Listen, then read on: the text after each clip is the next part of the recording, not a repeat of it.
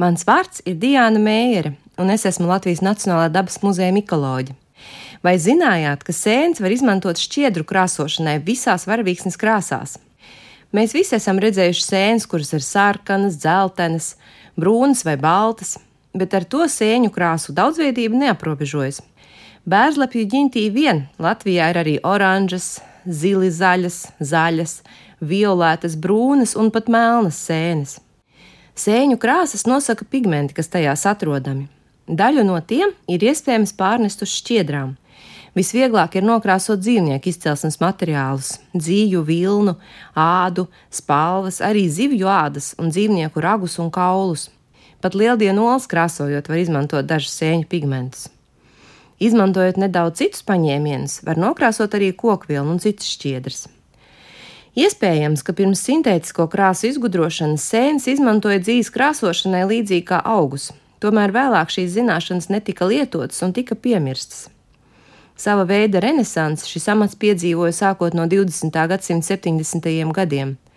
Tajā laikā daudzpusīgā ASV mākslinieca Mirjama Raisa nejauši atklāja, ka rūkto sērsēņu čemurs, kuru viņa iemeta katlā, kurā bija dzīve, nokrāsoja to skaistā citronu zeltainā tonī.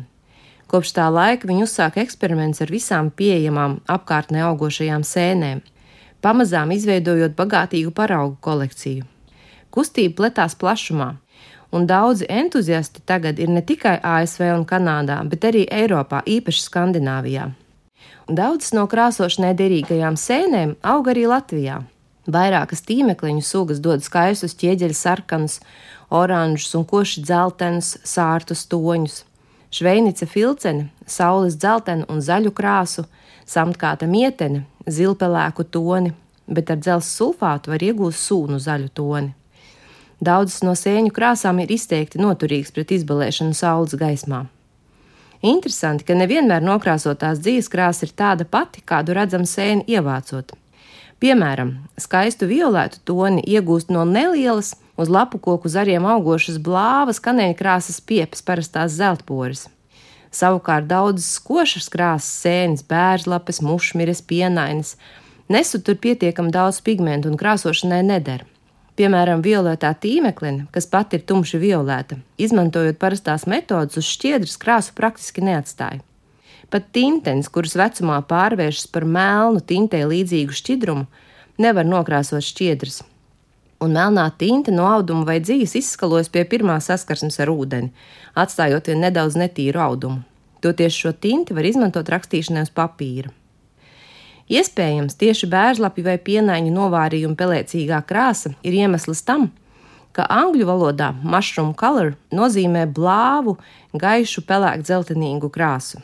Starp krāsošanai noderīgām sēnēm ir gan nēdamas, gan arī labas ēdamas sēnes.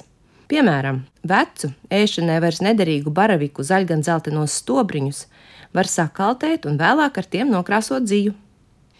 Dzīves krāsošana ar sēnēm ir samērā neparedzams process. Pat tad, ja ir zināms, kādā krāsā jābūt ar konkrēto sēni krāsotām šķiedrām, tad katru reizi krāsas tonis var būt atkarīgs gan no sēnes vecuma, gan augšanas vietas. Arī izmantotais ūdens un dzīve var stipri ietekmēt iznākumu. Toņus un pat krāsas var mainīt, izmantojot dažādas krāsošanas metodes, kodinātājus, mainot šķīdumu skābumu un citus parametrus. Intrigu palielina tas, ka dažas sēnes un ar tām nokrāsotā dzīve luminiscē ultravioletajā gaismā. Pat esmu izmēģinājusi šim mērķim vairākus desmitus sēņu sugu no visdažādākajām grupām - gan piepes, gan cepurīšu sēnes, arī pūpēžus, adatenes, un eksperimentu iespējas vēl nav izsmeltas. Starp citu, sēņu pigments var izmantot arī krāsu iegūšanai priekš gleznošanas, bet tas jau ir cits stāsts citai reizei.